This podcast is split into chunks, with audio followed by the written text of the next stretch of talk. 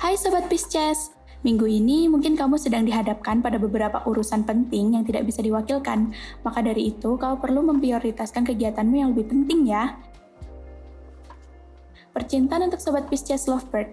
Periode ini kau merasa sangat nyaman dengan dirimu sendiri, sampai-sampai kamu perlu me yang lama banget, yang akhirnya bikin pasanganmu kesepian dan berpikiran yang aneh-aneh percintaan untuk Sobat Pisces yang masih single.